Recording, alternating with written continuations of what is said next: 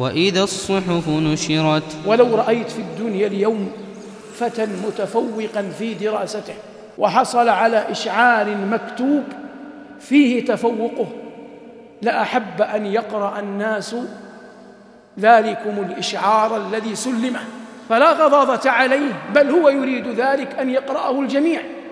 ولهذا لما ذكر الله جل وعلا أصحاب اليمين قال عبر بصورة الجمع.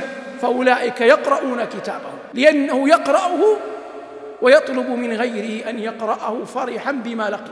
وأما غير ذلك عياذا بالله فإنه لا يحب أن يرى صحيفة عمله أحد.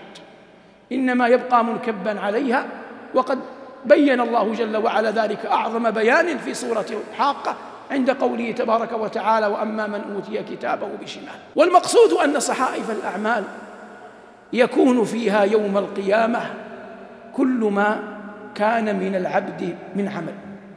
فما أحببت أن يرى غدا في صحيفة عملك فبادر إليه اليوم. وما أحببت أن لا يرى غدا في صحيفة عملك فتجنبه اليوم. وإن وقعت في بعضه فإن التوبة تجب ما قبلها والتوبة وظيفة العمر. أمر الله بها خلقه أجمعين ولم يستثني أحدا.